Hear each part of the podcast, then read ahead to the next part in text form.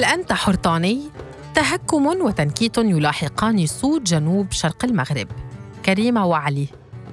إذا فعل عبد أسود البشرة شيئا جميلا دفق الحليب. الأسود للسوداء والأبيض الشريف للبيضاء الشريفة. بهذه العبارات الصادمة يوصف سكان الجنوب الشرقي في المغرب من ذوي البشرة السوداء فدائما ما تقرن أفعالهم بالسوء والغباء. وتنسب إلى البيض المهارة والفطنة والحكمة. بالرغم من تشارك الفئتين المجال الجغرافي نفسه والعادات والتقاليد عينها إلا أن الصراع والتوتر قد يكونان أحيانا حصريين هما ما يطبع علاقتهم. على إيقاع هذه العبارات اليومية العنصرية يعيش السكان الجنوب الشرقي حياتهم. بالرغم من أن الكثير من المغاربة ينكرون الأمر ويؤكدون أنهم قطعوا مع العنصرية على أساس اللون منذ مدة وأن ما يطفو فوق السطح منها يخص السود المنحدرين من دول جنوب الصحراء وليس السود المغاربة. يصعب على المغاربة القطع مع هذه العنصرية البنيانية كما يصفها السوسيولوجي المغربي عبد الصمد الديالمي. ويشرح في مقاله العنصرية ضد السود في المغرب أن أغلبية المغاربة لا يعون استمرارهم في السلوك العنصري وإن على مستوى المزاح والنكتة إذ أصبح من غير اللائق أن يتبنى مغربي أبيض البشره استبعاد مغربي أسود فأصبحت العنصرية تعبر عن نفسها من خلال التهكم والتنكيت وهو تعبير مسموح به اجتماعيا. في المقابل يؤكد هشام بوبا الباحث في سوسيولوجيا الشباب أن العنصرية في الجنوب الشرقي متعددة الاتجاهات وليست حكرا على ذوي البشرة السوداء فقط كون المنطقة تتميز بتعدد إثني وندرة الموارد وقساوة المناخ والتضاريس وتاليا فإن هذه العناصر أفرزت تاريخا من الصراعات المادية والثقافية التي لا تزال حاضرة في منظومة القيم المحلية لقبائل وقصور قرى محصنة في الجنوب الشرقي. رأى الباحث ذاته أن العلاقة بين إيمازيغن أصحاب البشرة البيضاء وإقبيلين أصحاب البشرة السوداء يميزها التعايش والتنافر في الآن ذاته لأن بعض قبائل وقصور المنطقة تنضوي تحت المشيخة الواحدة نفسها المكونة من إيمازيغن وإقبلين. وأحيانا قد يمثل أحد العنصرين القبيلة فضلا عن التبادل التجاري بين الطرفين مستدركا أن الزواج يحضر بين الطرفين بشكل قاطع. إذا إقبلين من سود البشرة حسب هشام بوبا وينظر إليهم كعبيد استقدموا من أفريقيا عبر سجل ماسة فتم تحريرهم وصاروا حراطين عمال أرض يشتغلون في إطار نظام الخماسة لدى عائلات إيمازيغن في القصور مؤكدا أن النظرية التمييزية مزدوجة. فهناك المتعلقة بلون البشرة والأخرى المرتبطة بالوضع السوسيو اقتصادي.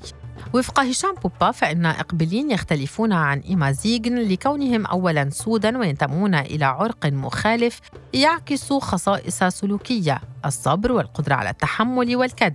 مستشهدا أنه في بعض مناطق الجنوب الشرقي يعتقد في صورة نمطية أن هناك عظما زائدا لدى إقبلين وهذا ما يبرر قابليتهم للأعمال الشاقة.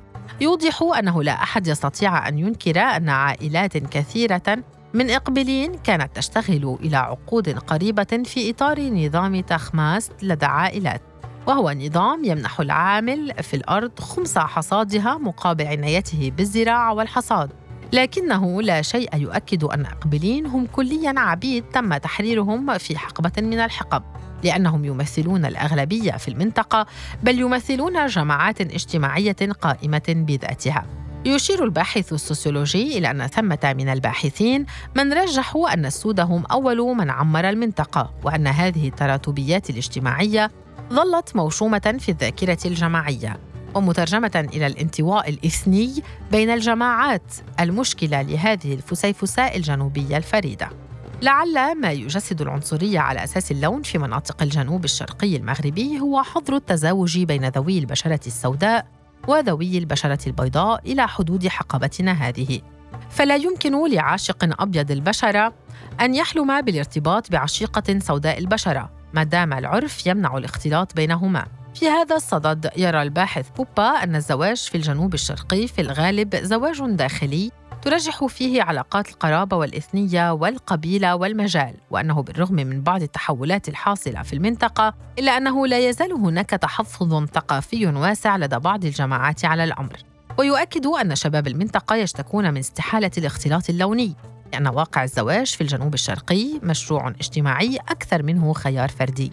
إذ أن اختيار الشريك إذا لم يكن مفروضا من العائلة فهو على الأقل يفرض على صاحب الخيار تزكية عائلية ويضيف لا تتم هذه التزكية إلا بعد بحث متأن عن أصول وجذور العائلة المراد المصاهرة معها بل إنه في كثير من الأحيان تعطى الأهمية لسؤال النسب في أثناء التقدم لخطبة المرأة أكثر من سؤال الممتلكات.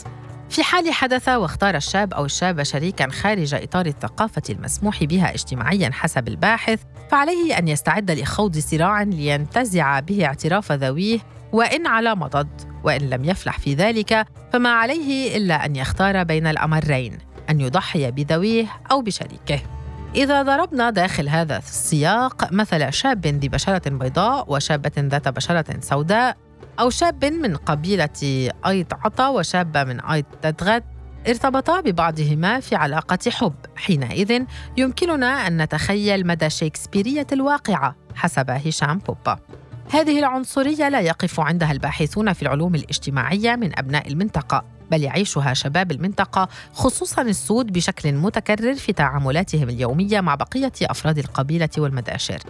ضمن هؤلاء الشباب نجد الفاعل الجمعوي محمد هروان الذي لخص استمرار العنصرية اللونية بهذه المناطق فيما عده طرفة حدثت معه مؤخرا سألني شخص أبيض عجوز هل أنت حرطاني؟ أي هل أنت عبد؟ أجبته ضاحكا نعم أنا كذلك متسائلا هل من العيب أن تكون أسود البشرة؟ العنصرية حسب محمد هروان في منطقة تنجداد لا تطال تعاملاتهم اليومية مع البيض فقط بل تتعداها إلى المناسبات والأفراح إذ يحرص الصود على الاجتماع وحدهم والبيض كذلك كما هو الأمر في قصور تخفرت والخربات وكردميت وإزيلف وغيرها من القصور. يخشى سكان تاديغوست التابعة لإقليم الراشدية التخلص من العنصرية اللونية الموجهة تجاه سود البشرة في المنطقة حسب الإعلامي مصطفى قرشال الذي عد ذلك بمثابة موروث لدى قبائل الجنوب الشرقي التي تضم ساكنة مختلطة. لفت الإعلامي ذاته إلى أن الشباب من ذوي البشرة السوداء يتمتعون بانجذاب وإعجاب من قبل الفتيات ذوات البشرة البيضاء. حتى وإن كان الأمر مرفوضا في القبيلة إلا أن أغلبية الفتيات يفضلن السود على البيض. نستحضر هنا قول السوسيولوجي عبد الصمد الديالمي إن تفوق السود جنسياً ضمن العوامل التي تفسر امتناع البيض عن إعطاء نسائهم للسود خوفاً من الظهور أقل فحولة ما يعني أن السود بحسب النظرة النمطية للبيض متفوقون جنسيا وجسديا. وهذا الأمر يشكل لديهم عقدة نقص وتاليا الامتناع عن الاختلاط والتزاوج فيما بينهم. ينتقل تهميش وإقصاء المغاربة السود من الحفلات والأفراح والعلاقات الاجتماعية إلى الإعلام في المغرب إذ يلاحظ أن موجودهم في القنوات التلفزيونية يكون منعدما إلا في بعض الحالات كما هو الأمر مع الإعلامي من ذوي البشرة السوداء مصطفى قرشال العامل في القناة الأمازيغية والصحفي الرياضي عادل لوتيتي في القناة الثانية. تجربة مصطفى قرشال في تنشيط برنامج ترفيهي يبث على القناة الأمازيغية تعزى إلى كفاءته وينفي وجود عنصرية تجاهه من طرف العاملين في المجال. كما يؤكد على أن التمييز العنصري تجاه السود في الأوساط المتعلمة والمثقفة نادر جداً. يصر مصطفى على أن إشراك سود البشرة في الإعلام الرسمي وغير الرسمي هو السبيل للقضاء على العنصرية المتجذرة في قبائل الجنوب الشرقي خصوصاً والمغرب عموماً فضلاً عن التخلي عن الأدوار النمطية اللصيقة بهؤلاء والمرتبطة دائماً بالسحر والخدم والفقر والجريمة في السينما والدراما والتلفزيون. في المقابل يحاول محمد هروان إلى جانب مهنة التدريس محاربة كل الأشكال العنصرية في منطقة تنجداد من خلال الأعمال الجمعوية التي يحرص فيها على إشراك الكل بعيداً عن الحساسيات العرقية والإثنية في المنطقة لنبذ كل رواسب العنصرية والتمييز التي تلاحق صود البشرة والتشجيع على الحوار والاختلاط فيما بين السود والبيض هناك. ويخلص الباحث هشام بوبا إلى أن التمييز العرقي ما هو إلا أسطورة اجتماعية وثقافية ورثناها عن الأجيال السابقة. كانت لها وظيفة اجتماعية. الغرض منها حماية الجماعة وتحصينها رمزيا وماديا من التهديدات الخارجية. لذا ينبغي أن تنتهي مع انتهاء وظيفتها. لتحقق هذا لابد من مجهود كبير تتعاضد فيه المؤسسات والأفراد بدءا من التعليم الذي عليه أن يراعي مسألة الحقوق الثقافية. ويعرف النشء على تجارب العالم في إرساء الحقوق وخصوصا تلك المتعلقة بحقوق الأقليات والتعدد الثقافي. وكذلك على النظام التعليمي ألا ينسى وظيفته الأساسية التي هي التثقيف والمثاقفة وفق المتحدث نفسه.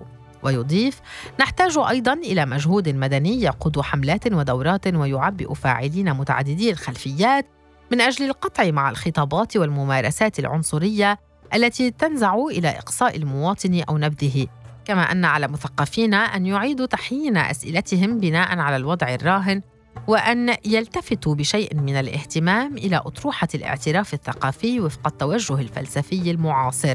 الذي يعد الفيلسوف الألماني إكسل هونيت واضع أسسه الأولى وهو التوجه الذي بات يشكل الشغل الشاغل في العلوم الاجتماعية على صعيد العالم منذ منتصف التسعينيات.